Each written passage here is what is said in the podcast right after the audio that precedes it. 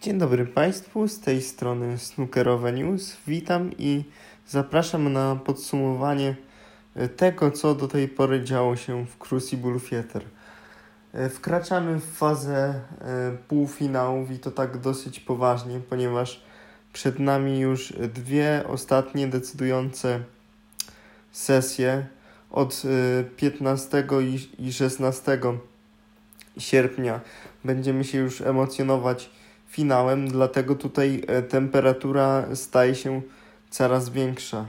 Ronnie O'Sullivan zgodnie ze swoją obietnicą e, poprawił e, swoją grę w, taktyczną i w meczu z Markiem Selbim prezentował się już naprawdę dobrze, przynajmniej podczas pierwszej sesji, w której to prowadził 5 do 3, ale po kolei.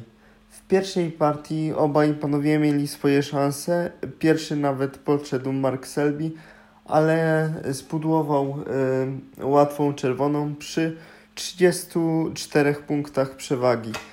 A potem y, swoje szanse wykorzystał już The Rocket, który w każdej partii tak naprawdę y, wbijał 50 punktów i E, pozwoliło mu to na e, naprawdę bardzo wysokie prowadzenie po 8, frame, po 8 frame'ach. W pierwszej partii wbijał kolejną 59, w drugiej partii wygrał wysoko, ale nie wbił y, żadnej 50. To była ta partia, w której właśnie Mark Selby zrobił taki niespodziewany błąd przy 46 punktach przewagi. Trzecia partia również mogła się potoczyć w różny sposób, ale Ronnie O'Sullivan spacyfikował Selbiego na kilka wizyt i naprawdę tutaj y, trzeba podkreślić, że byłem pod wrażeniem tego, jak, y, ma, jak Ronnie O'Sullivan radzi sobie taktycznie y, z Markiem Selbim. Potem była partia już tak typowo dla O'Sullivana, czyli 85 w breaku i, i frame na czysto. Potem w piątej partii po regulaminowej przerwie Ronnie O'Sullivan przyszedł i zaprezentował y, kibicom dwie pięćdziesiątki y, i w ósmym frame'ie nagle y, coś się zacięło. Po prostu Ronnie O'Sullivan poczuł się, wydaje mi się, zapewnie i to go zgubiło, ponieważ zaczął po prostu podejmować za duże ryzyko i przytrafiły się kilka pudeł na długich bilach i to był początek e, hegemonii Selbiego. To była zapowiedź hegemonii Selbiego w drugiej sesji. E, pierwsza sesja, jak już mówiłem, e, zakończyła się wynikiem 5-3, a potem w sesji drugiej tak naprawdę królował już Selby. To jest nie do powiedzenia, jak e, zawodnik, który w pierwszej sesji nawet nie przekroczył pięćdziesiątki, e, nawet do niej nie doszedł, bo najwyższy break po pierwszej sesji Selbiego to był 38 punktów, a potem nagle w drugiej sesji wychodzi na drugą część spotkania i gra jak z nut. W dziewiątej e, partii to była ta półgodzinna E, po prostu rozwala O'Sullivana psychicznie e, odstawnymi. E, O'Sullivan tam nie dociąga w kilku miejscach do bandy i to powoduje, że Selby zaczyna mieć przewagę. W drugiej partii, drugiej sesji, czyli w partii dziesiątej całego meczu, Selby już wszedł na swoje tory i zaczął grać po prostu ofensywnego snookera. 97 w breaku i yy, tak naprawdę z prowadzenia e, O'Sullivana nie zostało już nic. Na tablicy wyników mamy wynik 5-5.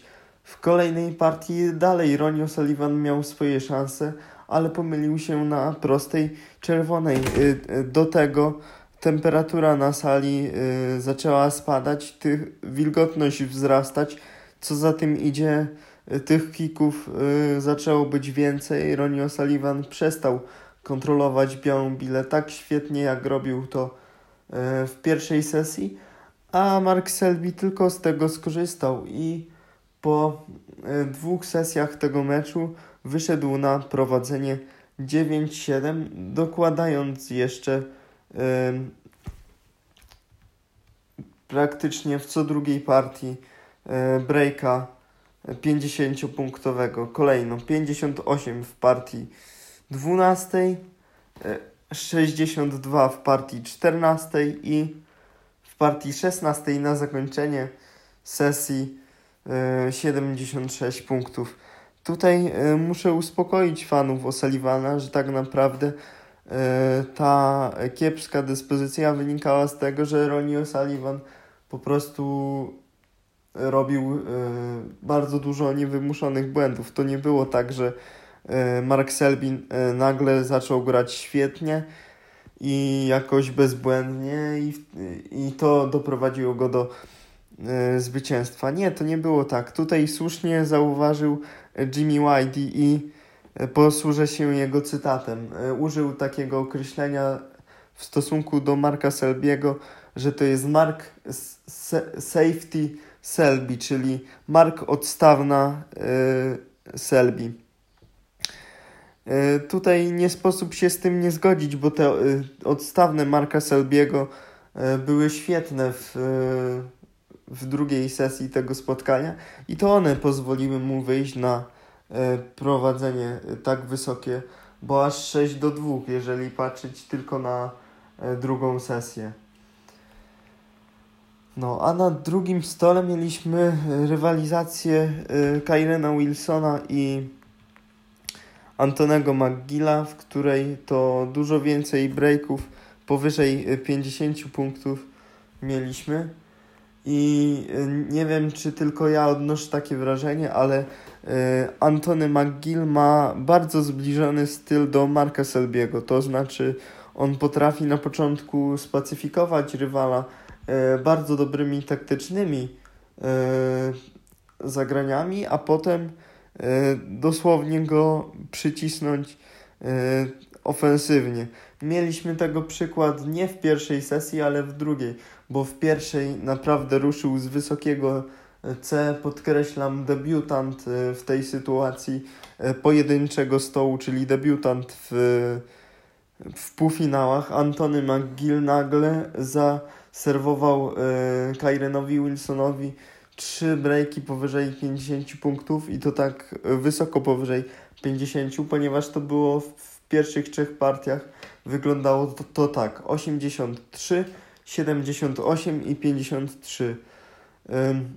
Ostatnią partię przed regulaminową przerwą wygrał e, breakiem 50-punktowym także Kyren Wilson, ale e, w, kolejnej, w kolejnych partiach po przerwie nie był w stanie aż tak dobrze e, przeciwstawić się McGillowi, ponieważ on wrócił do swojej gry i po 8 frame'ach e, wyszedł na prowadzenie aż e, 8 aż 5 do, do 3. Potem wrócili yy, na drugą sesję i muszę przyznać, że ta druga sesja była już dużo bardziej wyrównana. Tam poziom gry Kyrena Wilsona zaczął yy, przypominać jego yy, codzienny, do którego nas yy, przyzwyczaił. I zaczyna tutaj się robić bardzo ciekawie, ponieważ Kyren Wilson prowadzi po, po trzech sesjach i to on jest bliżej finału w Crucible Theater i myślę, że też to doświadczenie, jakie on zdobył w walce z Higginsem w tamtym roku w ćwierćfinale, ono pomoże mu opanować nerwy w tych w tych decydujących momentach tego meczu.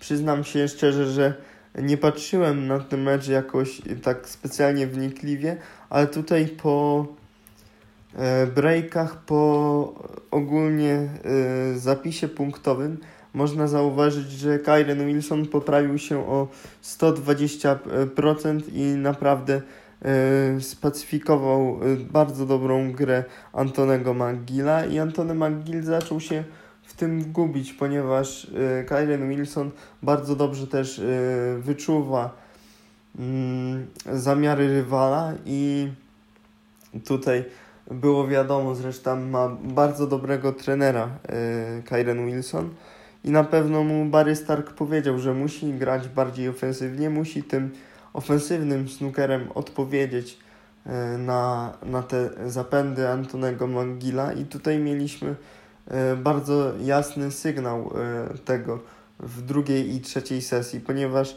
zremisował Kyren Wilson na 10-10 właśnie breakiem 99. Potem była widoczna taka naprawdę bardzo dobra wymiana ciosów ze strony Wilsona i McGilla. Wrócił po przerwie Kyren Wilson i co zrobił? 116 zaserwował swojemu rywalowi. I, i potem w 22 frame mieliśmy e, do czynienia z, z batalią taktyczną. Wygrany frame na różowej przez Antonego McGilla, a potem już była e, pole gry było zdominowane przez Kyrena Wilsona. Przyznam się szczerze, że przebieg tego meczu bardzo przypomina mi mecz y, ćwierćfinałowy pomiędzy y, Ronim O'Sullivanem a Markiem Williamsem, gdzie właśnie y, było to tak, że, że y, Ronnie O'Sullivan gonił wynik, ale jak już dogonił, zaczął go kontrolować y, wysokimi breakami, no to już nie puścił i właśnie Y, największy wyraz tego możemy mieć w ostatniej partii sesji, gdzie to Kyren Wilson wbił długą czerwoną i popisał się totalnym czyszczeniem w wysokości 136 punktów. Y, na kontynuację tego meczu, jeżeli chodzi o fanów Kyrena Wilsona i Antonego McGilla, zapraszam o godzinie 16.30 Dzisiaj mecz, y, dzisiejszy dzień snookerowy zdominowany zdecydowanie przez Marka Selbiego i Roniego Sullivana, ponieważ to oni grają dzisiaj aż dwie sesje, czyli o godzinie 11 wchodzą i o godzinie 20, a ta środkowa sesja, taka pojedyncza, pojedynczy rodzynek będzie rozegrany y, przez Kyrena Wilsona i Antonego McGilla. Serdecznie na to zapraszam. Cieszcie się snookerem. Y, jeżeli Wam się podoba ten podcast, to też go udostępniajcie, słuchajcie i cieszcie się snookerem. A ja już na ten czas dziękuję. Snookerowe News.